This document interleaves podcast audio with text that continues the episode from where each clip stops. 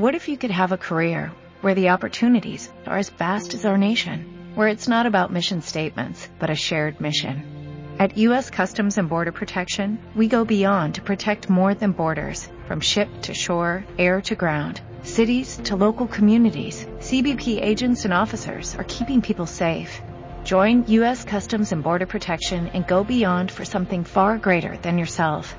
Learn more at cbp.gov/careers.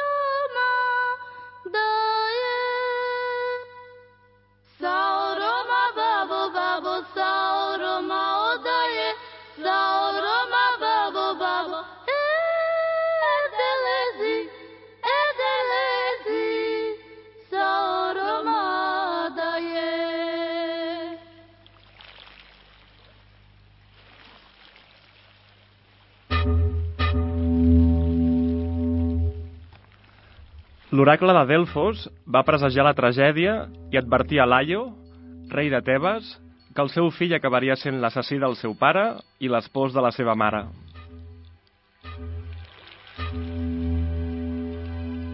En néixer el seu fill, Laio va ordenar matar-lo per evitar que la terrible profecia s'acomplís. Però l'encarregat de portar a terme la menyspreable acció no va ser capaç d'obeir al seu rei i en lloc de matar el nadó, va penjar-lo pels peus d'un arbre.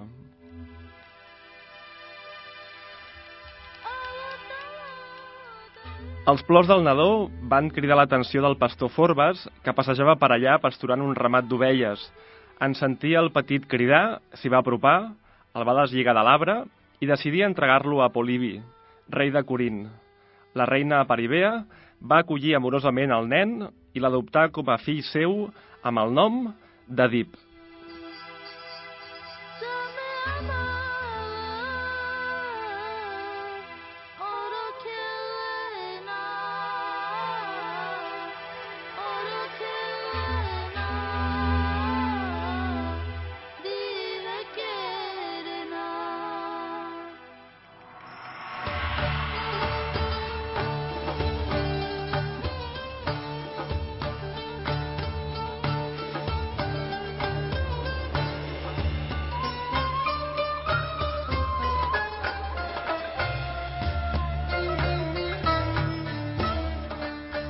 Bona nit, caçadors de mites. Avui parlarem del mite d'Edip i de la interpretació psicològica dels mites. Per això, a més del príncep d'Edip, els protagonistes del programa d'avui seran els psicòlegs universals Sigmund Freud, Melanie Klein, Eric Fromm i Jung. Al llarg del programa escoltareu la narració completa del mite d'Edip en petits fragments que alternarem amb les explicacions psicològiques dels mites i del complex d'Edip. Poseu-vos còmodes al sofà de casa i relaxeu-vos com si fóssiu al divà d'un psicòleg, perquè comencem el programa. Ah, i tranquils, que no us cobrarem res per la sessió.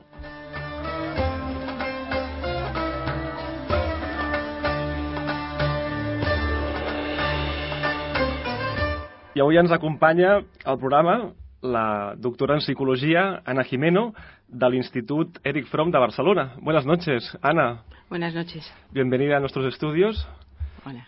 El, el, vamos a, a, preguntarte para empezar, a ver qué te parece, el, qué importancia tiene Eric Fromm porque pues parece ser que es uno de los psicólogos humanistas más importantes de la historia siendo del Instituto Fromm, pues supongo que lo conocerás bastante bien. ¿Nos puedes resumir un poco eh, cuál sería pues su obra o su aportación a la psicología y a la humanidad de Eric Fromm?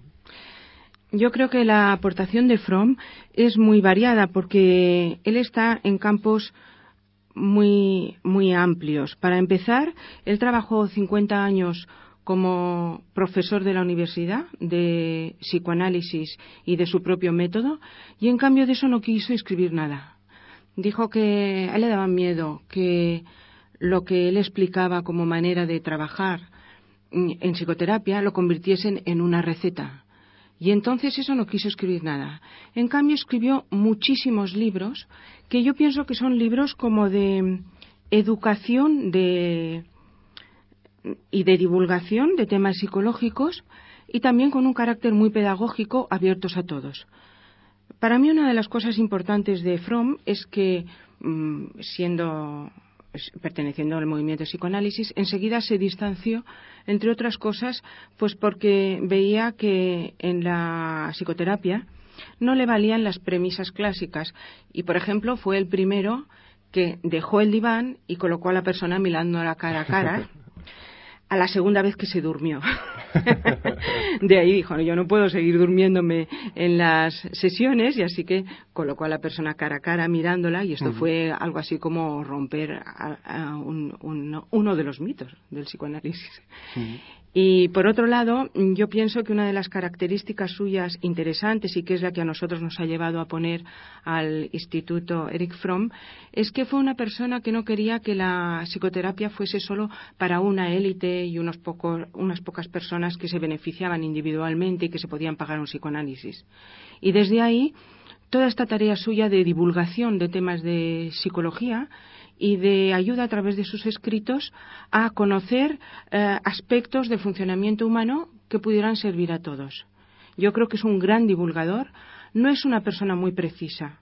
Quiero decir que a veces dice, pues voy a hablar de estos cuatro rasgos y pone cinco y cosas así. Pero eso es lo de menos. y luego, otra de las cosas que a nosotros nos hizo ponerle el nombre a nuestro instituto es que es una persona absolutamente respetuosa con las diferentes corrientes, con las diferentes cosmovisiones, con las diferentes maneras de pensar. Digamos que él mantiene un equilibrio muy exquisito, sea de donde sea de donde viene la persona, para tratarla con cuidado, con respeto y reconociendo lo valioso que hay en su postura. Muy bien, mm, seguro que va a ser muy interesante poder hablar un poco más de, Eric Fromm a lo largo del programa, pero mm, lo dejamos un poco de lado para después, eh, como el postre, eh, que a veces es lo mejor, y vamos a un poco a, seguir comentando el, mito de Edipo. ¿Cómo interpreta la psicología este mito de Edipo que luego Freud, en el año 1924, publicaría por primera vez con el nombre de El complejo de Edipo? Yo creo que el complejo de Edipo, así tal como lo cogió Freud, pues de entrada le sirvió a Freud para explicarse a sí mismo. Entonces, sí, sí, yo creo que el complejo de Edipo ha sido como, como el centro en torno al cual se ha desarrollado una gran teoría mm, desde el psicoanálisis. Desde el punto de vista de la psicología humanista en la que yo me muevo, hay una cosa que nos, digamos que nos mm, repele un poco, que es la aplicación universal del complejo de Edipo. Incluso cuando Jung quiso eh, ponerle como paralelo el complejo de Electra, pues Freud lo rechazó. Entonces, el complejo de Edipo yo creo que sirve para explicar, aparte de que creo sinceramente que le sirvió a Freud para explicarse a sí mismo las como las contradicciones internas que podía sentir, y creo que es una de las tareas de, los mitos, explicarse a uno mismo lo que le ocurre en términos comprensibles. Puede servir en algunos casos, pero la parte esta que digo que nos repele la generalización, es decir, todo el mundo tiene que pasar por ahí y esto es algo universal. Entonces, dentro del movimiento de la psicología humanista, el tratamiento de los mitos es mucho más mm, individualizado. Y no es tampoco como desde fuera, sino ese mismo mito qué significa para esa persona, porque un mismo mito puede tener significados diferentes. Muy bien. De todas maneras, estaríamos de acuerdo en decir que el, fenómeno central del periodo sexual infantil es este mismo complejo de Edipo o no sería el fenómeno central de la mm. sexualidad infantil? No, yo creo que para algunos niños puede ser, pero en absoluto generalizable. También hay que tener en cuenta que Freud estaba limitado a un grupito pequeño de la alta sociedad de Viena en lo que era su, su tarea terapéutica. Entonces yo creo que él fue un gran genio y un gran creador, pero tenía un mundo limitado. Sin embargo, por ejemplo, uno de sus discípulos, Jung, tenía una cultura mucho más amplia y por eso recoge, son mucho más ricos los mitos que él recoge porque eh, ha recorrido todo el mundo prácticamente y ha podido ver cómo hay diferentes mitos en diferentes sitios y también tienen su sentido cultural, ¿no? No es algo como universalizable a todas las culturas, a todos los tiempos. Y entonces, como, mm, como explicación de la sexualidad infantil, creo que puede serlo en algunos casos, pero no en todos, ni mucho menos. Muy bien. La doctora en psicología, Ana Jimeno, ya nos apunta el, al Carl Gustav Jung, que es uno de los psicólogos también eh, importantes. ¿eh? Y nos comentaba lo del inconsciente colectivo, más o menos, ¿eh? encubierto. Luego lo, tocaremos un poco para ver pues, estos arquetipos que Jung nos plantea.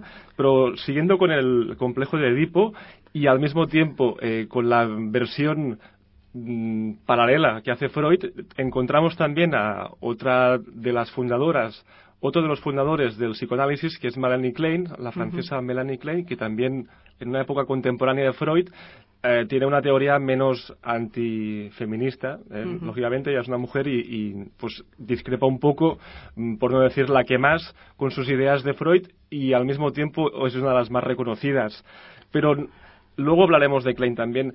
Mm, cuéntanos de todas maneras, Ana, qué es lo que dice Freud, aunque eh, no podamos estar de acuerdo en su totalidad. Bueno, lo que dice Freud es que el niño experimenta en una determinada edad, entre los tres y los cinco años, pues experimenta lo que llama el complejo de Edipo, que es una atracción sexual hacia la madre que le lleva a ver al padre como un rival y que desde ahí tiene un impulso inconsciente eh, hacia matar al padre y él se está viendo dentro de este tipo de conflicto de eliminar al rival, que es el padre, para poder realizar su, la posesión de la madre. Y que este complejo de Edipo luego pasa como a lo que se llama la etapa de latencia, que es que queda enmascarado, vuelve a resurgir en la adolescencia con una cierta virulencia y luego pues se resuelve más adelante y desde ahí como la persona que lo ha resuelto tiene una mayor madurez psicológica. Y digamos que este complejo de Edipo sería como el que marca la sexualidad infantil. Ya vemos que está muy centrado en torno a la sexualidad masculina y desde ahí posteriormente uno de, de los problemas que ha tenido el psicoanálisis inicial de Freud ha sido cómo incorporar toda a, la mujer también como una igual, ¿no? Como no como una especie de paralelo indisminuido del hombre. De todas maneras, mm, incluso muchos padres podrán reconocerse en este complejo que plantea Freud, ¿verdad? En ciertas ocasiones, viendo a sus propios hijos, o no reconocible. Yo creo que eso depende de la capacidad de los padres para ser receptivos al hijo. Eh, claro. claro, y para, y para escucharle y para saber qué pasa. Pues que eh, pienso que los, que los niños, conforme van creciendo, se van encontrando con qué, rol juega el padre y qué rol juega la madre allí, ¿no? Eh, la madre normalmente en la, en la familia tradicional, y ahora voy a hablar familia tradicional en relación con la de ahora, pues la madre es la que está junto a él y luego aparece ese señor de cuando en cuando que es el que le quita a la madre, por decirlo así, ¿no? Cuando está con el niño. Creo que en la familia actual el rol del padre es muy diferente y que el niño está mucho más cercano al padre. No quita eso eh, las dificultades que pueda tener el niño con una persona que aún hoy todavía le suele poner más límites que la madre, le suele, por decirlo de alguna forma, fastidiar más. Y entonces puede verlo también como alguien que le está ah, quitando lo que es la sobreprotección de la madre muchas veces. Pero el padre a la hora de reconocerlo creo que le resulta muy difícil el reconocerlo como complejo de Edipo, salvo que sea una persona que que conozca bien el psicoanálisis. Claro. ¿Eh? Porque si no lo puede ver, el niño se enfada conmigo, está muy enmadrado, mm. ¿y qué le pasa, no? Muy bien. De todas maneras, como es una edad muy temprana, el bebé casi que en ocasiones no podrá ni darse cuenta de quién es el padre y quién es la madre. A no ser que esté pues siendo amamantado, pero posiblemente los podrá confundir a ambos, ¿verdad? No, no, no. Mm, para empezar, el bebé durante los primeros meses tiene una relación con la madre muy especial. Hay una comunicación muy específica. Se han estudiado algunas cosas peculiares, que es incluso una comunicación más allá de lo que es el contacto físico, yo no sé cómo lo llaman, pero es como que estuviese en una relación con la madre muy telepática durante los primeros meses y que tiene, algunos autores hablan del recuerdo de tejido, ¿eh? como de haber estado dentro de la barriga de la madre. No quita eso que si el niño está siendo amamantado, bien, pero cada vez el padre está jugando, está implicándose más, está jugando un rol más parecido a la madre y en este sentido el niño los va a distinguir pero ya no va a hacer esas diferencias tan grandes. ¿eh? Cuando se habla, por ejemplo, de que el niño que está siendo amamantado ¿no? y que después está muy pegado a la madre, de pronto un día descubre al padre, yo pienso que está hablando de unas situaciones familiares que cada vez se están dando menos, porque cada vez el padre se implica más. O al menos quiero creer eso.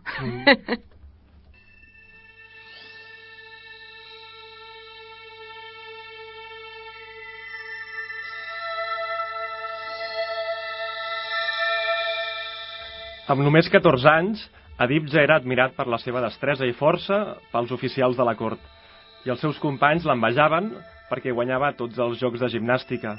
Per això els seus companys li recordaven cada dia, amb malícia, que ell era un fill adoptat. Martiritzat per aquests retrets, Adib començà a sentir desconfiança sobre el seu naixement, per Ibea, que l'estimava com si fos el seu fill, va mantenir el secret del seu origen, però Adib volia saber més i va anar a consultar l'oracle de Delfos. El consell que va obtenir fou que mai tornés al país on va néixer si no volia causar la mort del seu pare i casar-se amb la seva mare. Commogut per aquestes paraules, Adib va decidir que mai més tornaria a Corint, doncs ell considerava que era la seva pàtria, i angoixat va anar-se'n cap a terres de la Fòcida.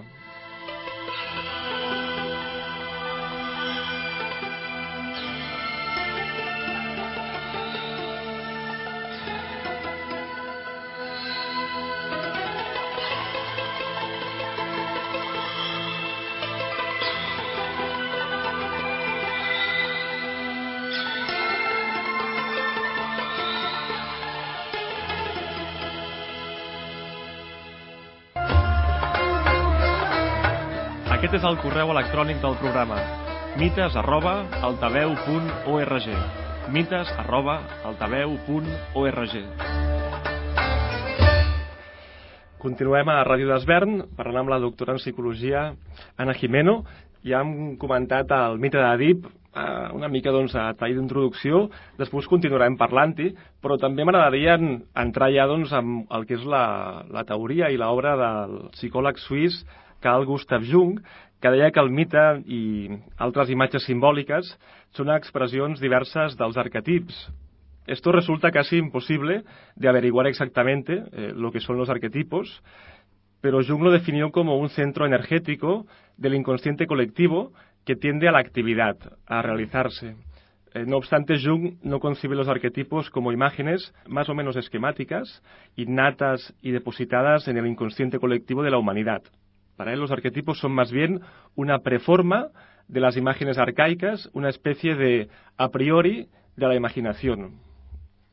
No está mal. a, ver cómo, a ver cómo traducimos esto. también comenta que, eh, o podríamos decir, eh, mejor, que los hermanos eh, enemigos, como los hijos de Edipo, que luego veremos, o los animales malvados, como el dragón con el que lucha San Jordi, pueden ser ejemplos de arquetipos universales presentes en diferentes culturas. Ahora bien, ¿cómo se estructuran estas imágenes en el inconsciente y cómo se definen conscientemente? Ana, ¿nos lo puedes explicar un poco mejor? Sí, vamos a ver. Primero, Jung tuvo diferentes etapas a la hora de describir los arquetipos. O sea que unas veces los ha descrito así como, como una especie de patrón de tendencia a la acción, que es un poco lo que salía. Otras veces hablaba como de una forma una forma que va conservándose en la cultura, rellenándose de diferentes contenidos, y en cambio otras veces habla de la forma madre de determinadas formas. En el mito yo creo que sobre todo lo que se puede entender es como un patrón de acción. Un patrón de acción que rebasa lo que es lo individual. Jung entendía mm, el inconsciente colectivo cuando lo quiso plasmar gráficamente, incluso para que se entienda mejor. Lo ponía como una serie de estratos geológicos y que dice, bueno, mm, el ser humano, digamos, está en la puntita de arriba de la montaña y los estratos de debajo de la montaña son estratos cada vez más amplios y por debajo de la montaña se une a otras montañas y luego hay pues como el, el océano sería el inconsciente colectivo en el que están bañadas las diferentes culturas. Claro, entonces puede hablarse de unos inconscientes colectivos más o menos amplios. Un inconsciente colectivo que sería común a toda la especie, incluso habla de otros inconscientes común a todos los animales, común a la especie, común a determinadas culturas, a determinadas familias y luego ya viene el individuo. Entonces, ¿qué pasa? Que este individuo está apoyado en una serie de estratos colectivos que tienen unos determinados arquetipos o formas culturales de patrones de acción. Por ejemplo, mm, cojamos uno muy sencillo, el mito de Hércules, con la cantidad de trabajos que tuvo que hacer este hombre, sus doce trabajos hasta poder ser libre. Pues este mito, eh, yo creo que es un patrón que podemos ver en muchas personas que trabajan, trabajan, trabajan, trabajan y no son capaces de parar de trabajar y hasta que no han hecho todos no sé cuantísimos trabajos no se van a permitir descansar. Esto es, por ejemplo, el caso de las personas que se llaman las adictas al trabajo. Bueno, pues esto desde el punto de vista de la terapia podemos decir que observamos a personas que viven, es como si estuvieran viviendo este mito, este patrón de acción, que no pueden descansar hasta que hayan acabado todo el trabajo. Esto tiene una limitación cultural, porque nos vamos a otras culturas y esta adicción al trabajo, pues no nos la vamos a encontrar en algunas culturas, pero sí aquí. Entonces, por ejemplo, podemos decir que este mito es más típico de una determinada cultura que de otra. Y esta invitación a un determinado tipo de acción o descripción, porque yo creo que el mito a veces es invitación, a veces es descripción, a veces es advertencia, ¿no? En este sentido, eh, creo que cada cultura tiene unos mitos propios de esa cultura y luego hay otros más generales. Por ejemplo, este que has dicho de San Jordi, pues en todas las culturas está el héroe que mata a algún monstruo. Hablamos de, este mito precisamente la, semana pasada y, bueno, como hemos podido también eh, recordar en el programa, el antropólogo Levi Strauss el francés eh, eh, Levi Strauss ha demostrado la existencia de estos mitos universales en todas las culturas con sus trabajos de campo y su obra mm, divulgatoria. Eh, supongo que los símbolos son los que permitirían que estos mitos sean de una manera estructurados conscientemente e inconscientemente. ¿Cómo, entran ahí los mitos, ah, digo, los símbolos en acción? Los símbolos es como una expresión sensible de algo no sensible. O sea, que el símbolo lo que está apuntando es a, que su capacidad expresiva y por lo tanto el símbolo tiene que tener una cercanía eh, natural a lo que quiere expresar, pero sin embargo va mucho más allá. Es como si fuera un dedo que apunta hacia un lugar. Entonces, este dedo tiene que ser expresivo. Digamos que si el símbolo pues es una serpiente como un animal maléfico, pues ya, ya tiene algo de nuestra manera de entender las serpientes, ¿no? Mm, en otras culturas puede ser un animal benéfico, pero en general, en la nuestra, por ejemplo, que es donde se da el mito de San Jordi, pero en otras muchas culturas también, cuando decía el héroe que vence al monstruo, el monstruo puede tener diferentes formas. Si aquí hablamos de un dragón o de una serpiente, mm, pues no está quedándose en un animal, sino que está apuntando a aspectos nuestros o aspectos de la realidad que tienen que ver con el mal o con lo monstruoso. Por eso digo que es como una especie de, de mm, camino o de puente que une lo consciente y lo inconsciente.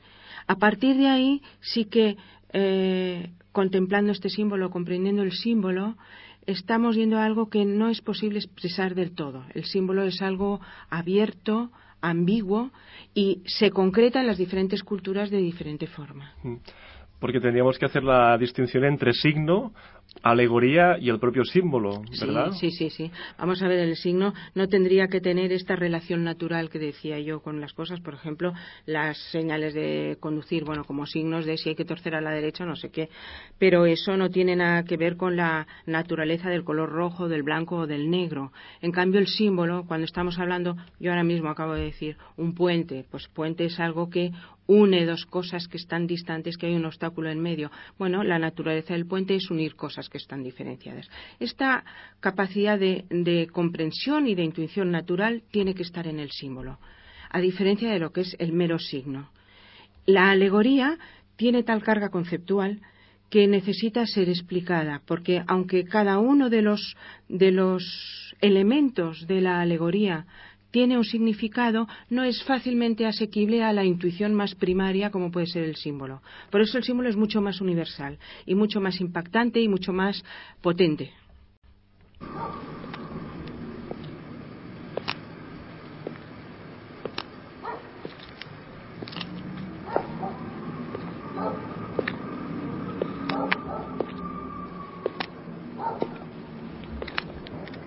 Mentre fugia del seu Adib va trobar-se en un camí estret davant d'un carruatge.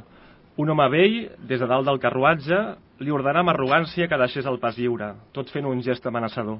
Llavors va començar una discussió i després una baralla i van treure les espases i Adib va matar el vell sense saber que era el seu pare Laio.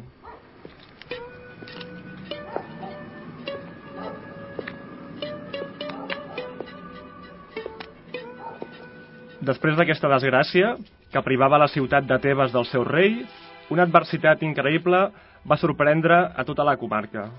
Era l'Esfinx. Aquest monstre tenia el cap, la cara i les mans de noia, la veu d'home, el cos de gos, la cua de serpent, les ales d'ocell i les urpes de lleó. Es va situar al cim d'una muntanya de Tebes i a tots els caminants que passaven per allí els hi proposava una endevinalla, els que no encertaven la resposta eren devorats per les fins. I van ser milers els desgraciats que moriren als peus de les fins sense poder respondre l'endevinalla. Quin és l'animal que pel matí té quatre peus, dos al migdia i tres a la tarda?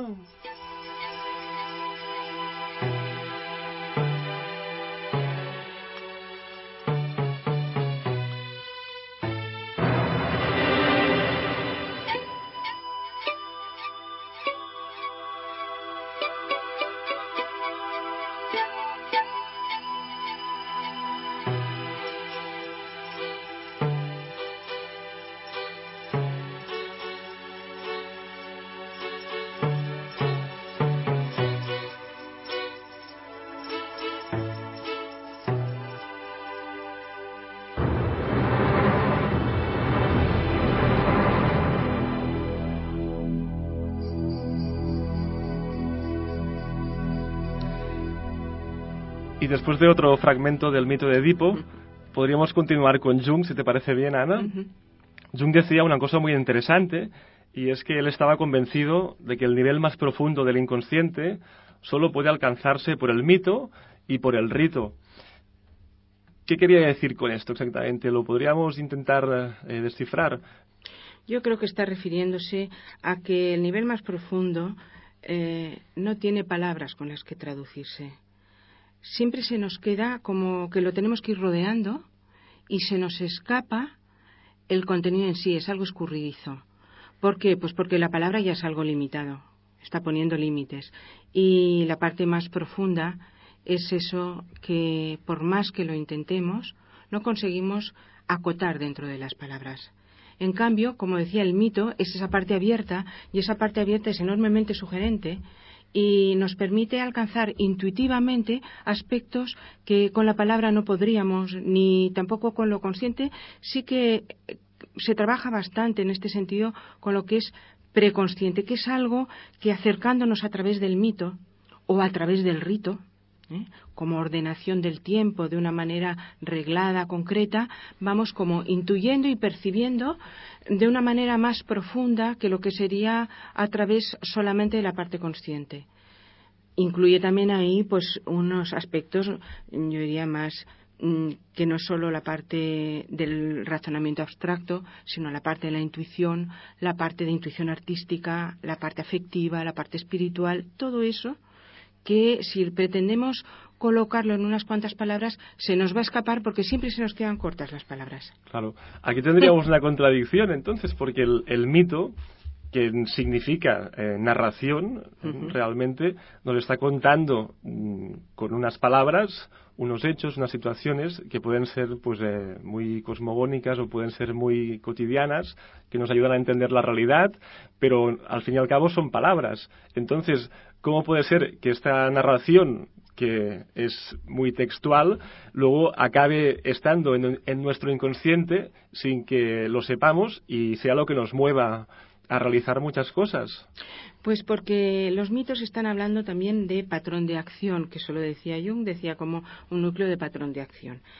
Y en este sentido conservamos una estructura de determinados tipos de acciones. Por ejemplo, estabas hablando ahí del mito de Edipo y que acaba cumpliéndose a pesar de los deseos de Edipo. Se cumple.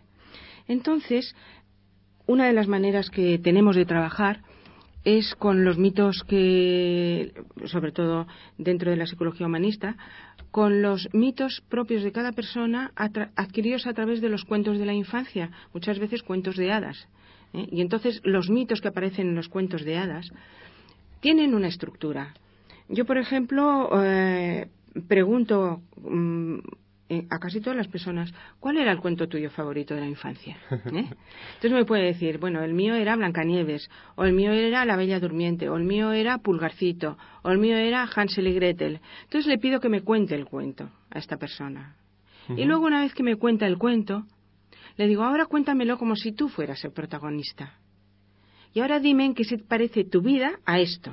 Y podría coincidir muchísimo. Y resulta que, curiosamente, yo al principio decía, bueno, igual, casualmente, pero luego voy viendo la importancia que tiene de este niño que ha integrado como estructura de lo que es la vida y el funcionamiento del mundo, la estructura de ese cuento al que se quedó pegado en la infancia. ¿Qué pasa? Que entonces esto le sirve para estructurar, y yo creo que el niño necesita estructurarse, para orientarse. Pero es una estructura mm, que luego se va a preocupar de ir cumpliendo, como el autocumplimiento de la profecía de Edipo. ¿Qué ocurre? Pues que en algunos casos el cuento, a la vez que estructura, también puede ser limitador. Porque si se queda, por ejemplo, la bella durmiente esperando a que llegue el príncipe, puede tardar, en el cuento tarda 100 años, pero en la realidad puede tardar más de 100. Entonces ahí hay un trabajo muy bonito para hacer hasta qué punto los mitos de los relatos favoritos. Muchas veces son cuentos de hadas, también pueden ser historias de los, de los mitos griegos, algunos de los cuales son muy trágicos. Y ahí es como cómo está utilizando esa persona ese mito favorito para organizar su vida. Y ahí se pueden sacar muchas maneras de trabajar tanto con lo que son los mitos positivos, con un final feliz, como los mitos desgraciados. Porque la persona se sitúa dentro de ese relato, dentro de ese mito, y a partir de ahí va dando forma a su vida. Entonces, eso que es una narración textual, mm, con palabras, contenida en palabras, pero está haciendo alusión a una acción, a una estructuración del tiempo, a una estructuración de la realidad, a qué se puede esperar del mundo, qué se puede esperar de los demás. De manera que incluso cuando yo trabajo estos cuentos, pues claro, una cenicienta necesita que haya unas hermanas malas. No puede ser una cenicienta que tenga una mamá buena y unas hermanas malas. Pues eso también puede servir para que esta persona vaya por la, por la vida buscando quiénes son las hermanas malas que me rodean. En este sentido, mm, el desenmascarar el mito latente debajo de la estructura de la vida de una persona es un trabajo muy interesante desde el punto de vista de la terapia.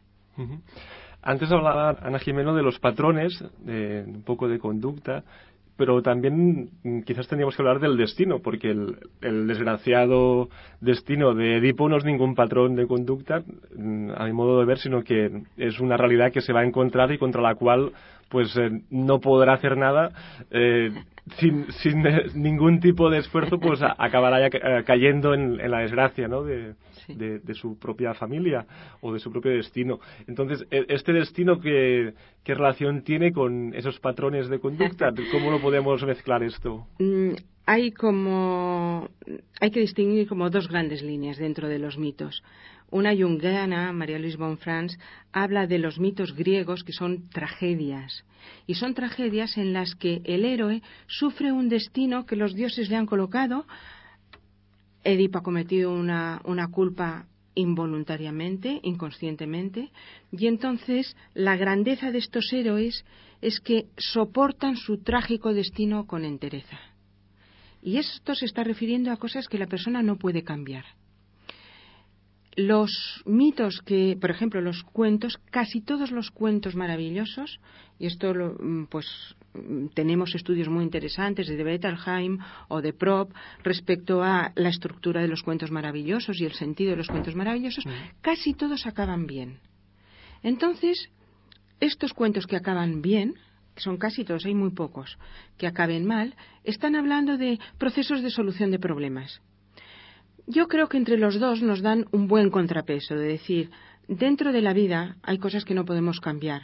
Se tratará de aceptarlas con serenidad. Y dentro de la vida hay muchas cosas que podemos cambiar. Y ahí tenemos que buscar soluciones. Yo creo que entre los dos se equilibran muy bien lo que es la realidad humana. Si nos quedamos solo en la parte de me ha tocado este destino, entonces no hace falta la psicoterapia, porque la psicoterapia es para ayudar a la persona a cambiar cosas. sí que sería ayudarla a aceptar en esos casos lo que no está pudiendo cambiar y que no tiene que ver con su actividad o inactividad. En cambio, la otra línea es ¿qué puedo hacer yo para solucionar los problemas? Y en esta estructura mítica en la que estoy enganchado, ¿qué parte hay de realidad y qué parte me la estoy imponiendo como si la realidad tuviera de funcionar así cuando yo puedo cambiar cosas? Digamos que tienen tareas como muy complementarias unos mitos y otros.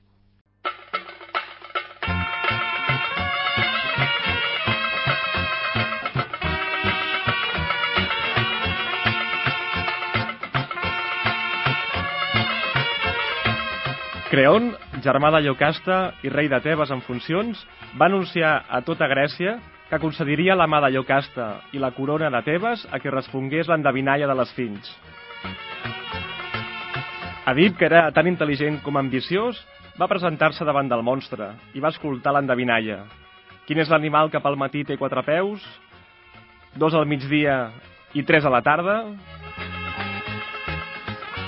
I Edip respongué, aquest animal és l'home, que en la seva infantesa camina a quatre potes, quan es fa gran damunt dels seus peus i en la bellesa ajudant-se d'un bastó com si fos un tercer peu. Les fills, furiosa en veure desbatllat el seu enigma, es va llançar des del cim de la muntanya on era i es va trencar en mil bocins, morint a l'instant. Adib, després de salvar a Tebes de les Fins, va pujar al tro i prengué per esposa Iocasta, que, sense ell saber-ho, era la seva mare, i tingueren dos fills anomenats Ateocles i Polinís, i dues filles, Antígona i Irmena.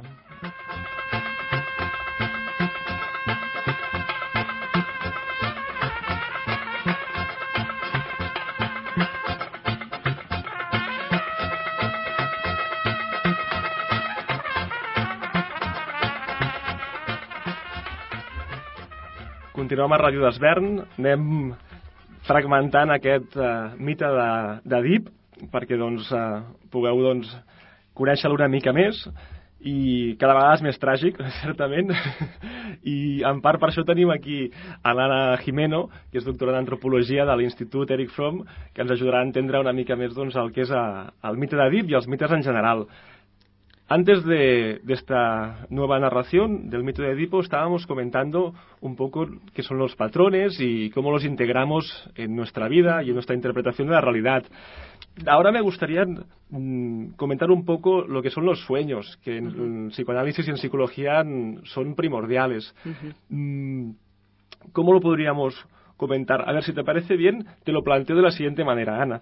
Mm, hay autores que dicen que el poder de las palabras, de la narración mitológica, durante un ritual en el que se recuerda ese mito, podrían ser equiparables al poder de las palabras de una persona, de un paciente, recordando algún sueño.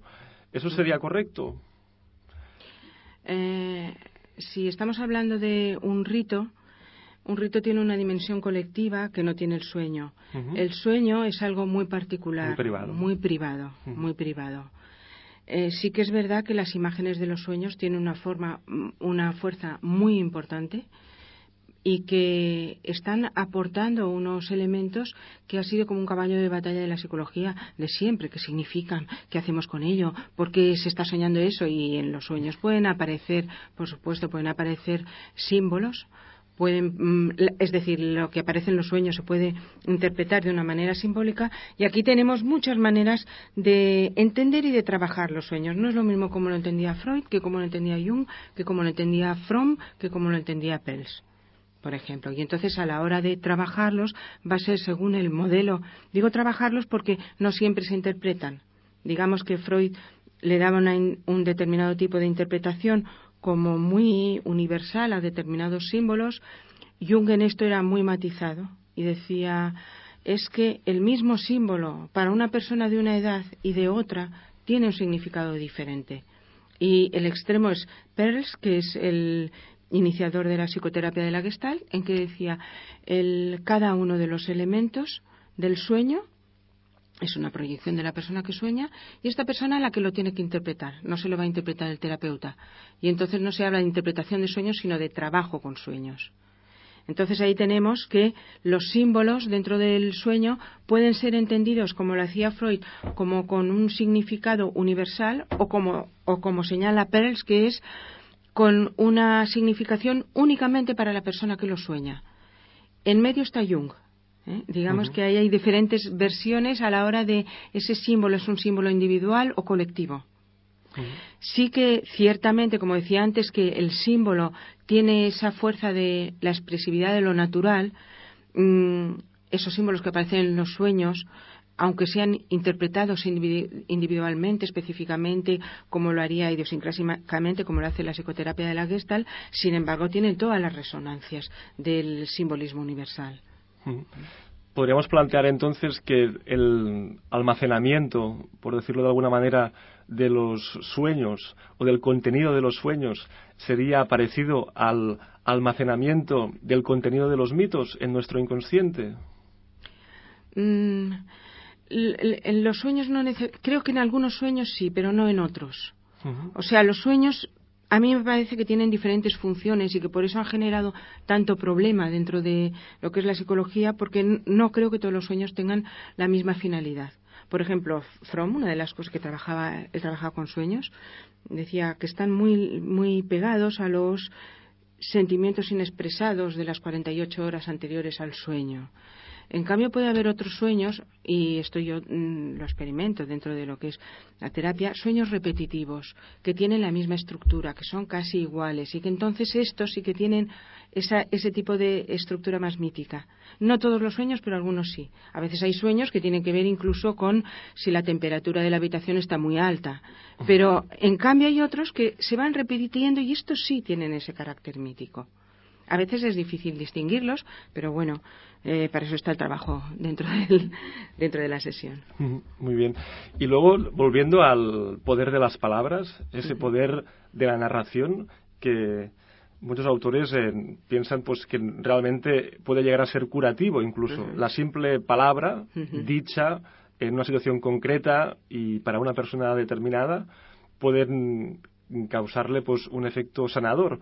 Eh, ¿Eso cómo lo podemos entender? ¿O en qué contexto se daría? Para poderlo ver un poco, con algún ejemplo, si quieres, Ana. Yo pienso que es una palabra que en el momento oportuno hace cristalizar algo que estaba ahí latente.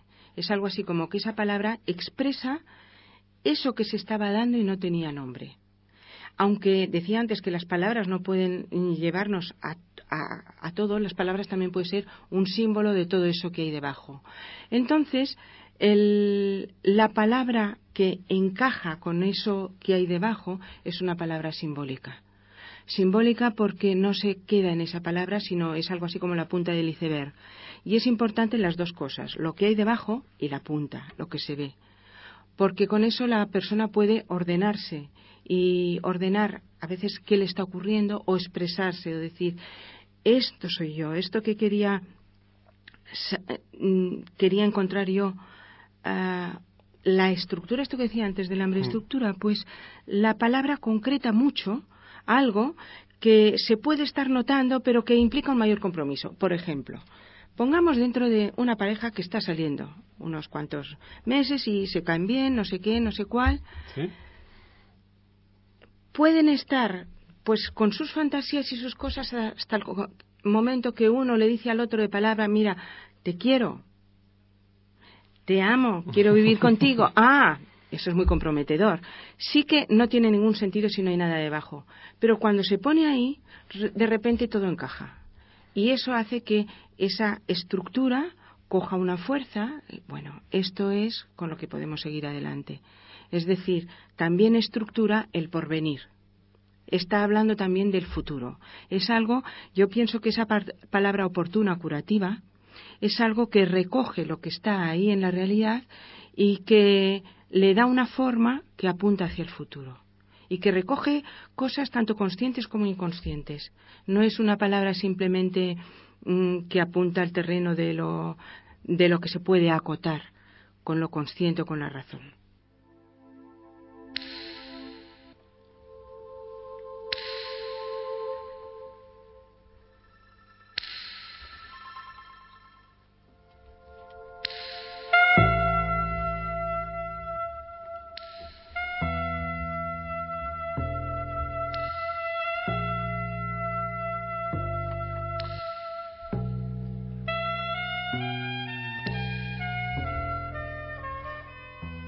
Molts anys després del matrimoni entre Edip i Iocasta, es va produir una pesta a Tebes que atacava tant els animals com els homes i que resistia a tots els recursos de la ciència, les pregàries i els sacrificis. L'oracle va declarar que la comarca de la Beòcia no quedaria lliure de perill fins que l'assassí de Laio, l'antic rei de Tebes, fos descobert i expulsat fora del regne. Edip, que ignorava el nom i l'estatus de l'ancià, a qui en altres temps havia matat en terres de les Fòssides, va ordenar que es fessin les més escrupuloses investigacions per tal de trobar l'assassí de Laio. Les investigacions van concloure amb les pitjors conclusions, que Edip era l'assassí assenyalat per l'oracle, que Laio era el seu pare i Iocasta la seva mare. La pertorbadora revelació li va causar una desesperació sense límits i creient-se indigna de veure la llum del dia, Edip es va arrencar els ulls amb la punta de la seva espasa. Expulsat de Tebes pels seus dos fills, Edip es dirigí a l'Àtica, mancat de tot, dormint al terra i pidolant el seu pa de porta en porta.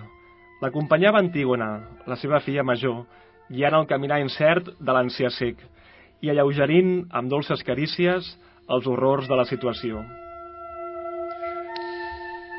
En arribar a Colona, un poble a prop d'Atenes, van endinsar-se en un bosc i els seus habitants, sorpresos en veure allà el rei assassí, van voler fer-los fora i potser l'haguessin mort a cops si Antígona, amb la seva tendresa i les seves llàgrimes, no els hagués demanat pietat.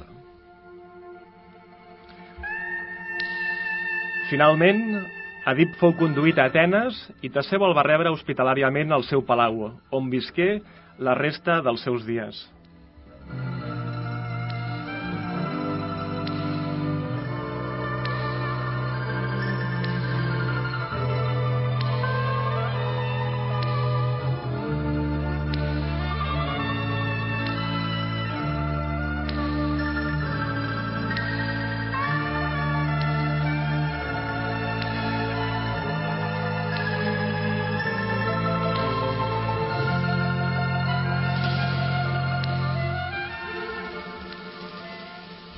Continuem a Ràdio d'Esvern parlant del mite d'Adip i dels mites en la seva interpretació psicològica amb l'Anna Jimeno de l'Institut Eric Fromm. Ana, nos habíamos quedado en lo que son pues un poco la interpretación de los sueños que nos pueden ayudar a entender la realidad, nuestro inconsciente pues más profundo y también pues un poco los mitos. Pero ahora me gustaría hablar de Eric Fromm, que hemos hablado un poquito de él y me parece muy interesante toda su obra.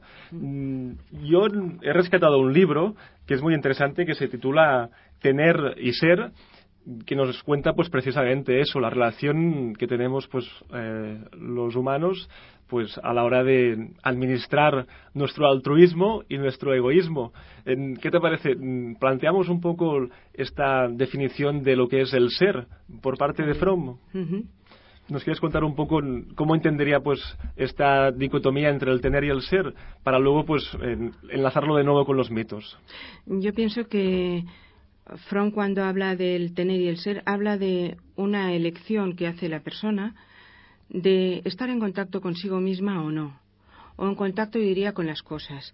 Eh, Fromm habla de dos grandes tendencias en el ser humano y a diferencia del psicoanálisis que pone en la misma, con el mismo peso la dirección hacia la vida, Eros, y la dirección hacia la muerte, Tánatos, pues Fromm habla de que hay una de esas dos fuerzas, lo que él llama biofilia, esa es más básica y es eh, primordial. Esa es la fuerza básica. Cuando la persona se dirige hacia la vida y eso falla, entonces sí se va en dirección contraria hacia lo que él llama la necrofilia. De manera que él tiene la biofilia, lo expresa como una fuerza, él gráficamente la pone hacia arriba, y la necrofilia hacia abajo. De entrada, la fuerza es hacia el ser, hacia la vida, hacia la solidaridad, hacia el altruismo, si eso nos falla porque la sociedad tampoco nos permite ir demasiado allá, porque la sociedad establece también unos límites a la biofilia, entonces la persona puede frustrarse e irse en dirección hacia la necrofilia. ¿Qué pasa? Pues que la dirección de la biofilia es la dirección del ser. Y la dirección de necrofilia es la dirección del tener. Él dice, la necrofilia a la persona le gustan las cosas, no las personas, las cosas. En la biofilia le gusta lo que tiene vida. Entonces, el ansia de tener, yo lo veo como una ansia necrofílica, de acumular cosas sin vida, porque se ha fracasado a la hora de buscar el ser, el desarrollo del ser, la dirección hacia la vida. Para Freud ese comportamiento sería neurótico. Sí. Mm, Sería una enfermedad, vamos. Sí. En sus extremos más mm, pues excesivos. Eh, Fromm entiende que hay unas bandas o unos límites que la sociedad establece de manera que no deja a las personas ser demasiado biofílicas ni demasiado necrofílicas sin castigo, por decirlo así. Mm. Cuando una persona es muy necrofílica, entonces pues en esos casos la va a tachar o de criminal o de loca. Cuando es muy biofílica, también la va a aislar. E igual también la va a matar, como han muerto tantas personas que eran muy biofílicas. Y estoy ahora pensando en Gandhi o estoy pensando en Luther King. Esas personas se pasaron del límite que la sociedad establece en cuanto a biofilia. Y decir, no, no. Y esas personas pueden ser consideradas también neuróticas porque se salen de lo común. Y se salen de lo común en positivo. Mm. En este sentido, para Fromm serían las personas más sanas, justamente. Pero las personas más sanas también son castigadas. Eric Fromm quizás no sería eh, tan partidario de, esa conceptualización represiva que, sí que hace Freud. Para terminar ya, Ana Jimeno, que tenemos un, minutito para cerrar el programa, ¿cómo podemos resumir esa visión de, Eric Fromm en este sentido? Yo creo que Eric Fromm, eh, como buen judío, aunque luego él no fuera no fuera de religión judía, lo había sido de, niño y adolescente, de raíces judías, yo creo que él tiene mm, como detrás de todo el gran mito del pueblo judío de la búsqueda de la libertad, del salir del dominio de los egipcios y atravesar un desierto en busca de la libertad y de la tierra prometida. Yo creo que detrás de su obra late este, esta honestidad con uno mismo que puede llevar a tener que emprender una peregrinación difícil, pero que es la peregrinación del ser es la búsqueda del ser, que significa no estar exento de dificultades y por eso él cuando escribe el miedo a la libertad está hablando que lo fácil es quedarse en Egipto, lo fácil es seguir siendo esclavo.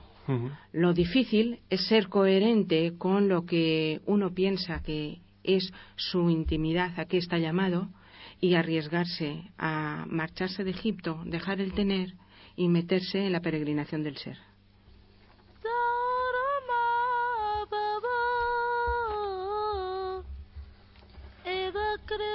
Mentrestant, a Tebes, els fills d'Edip, Atèocles i Polinís van acordar compartir el tro del regne alternativament. Quan un governés, l'altre se n'aniria de la ciutat i així successivament.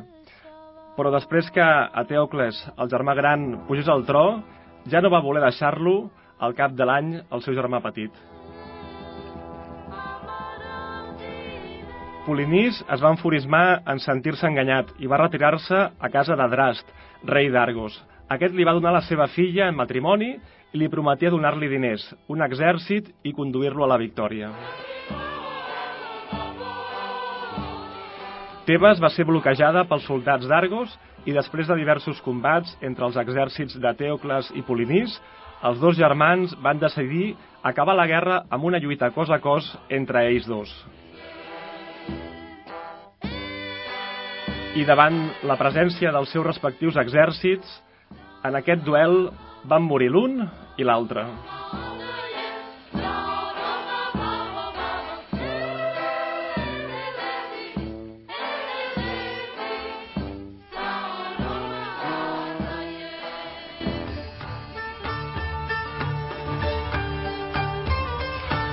Doncs fins aquí el programa d'avui. Muchas gracias, Ana Jimeno, del Instituto Eric Fromm, por acompañarnos.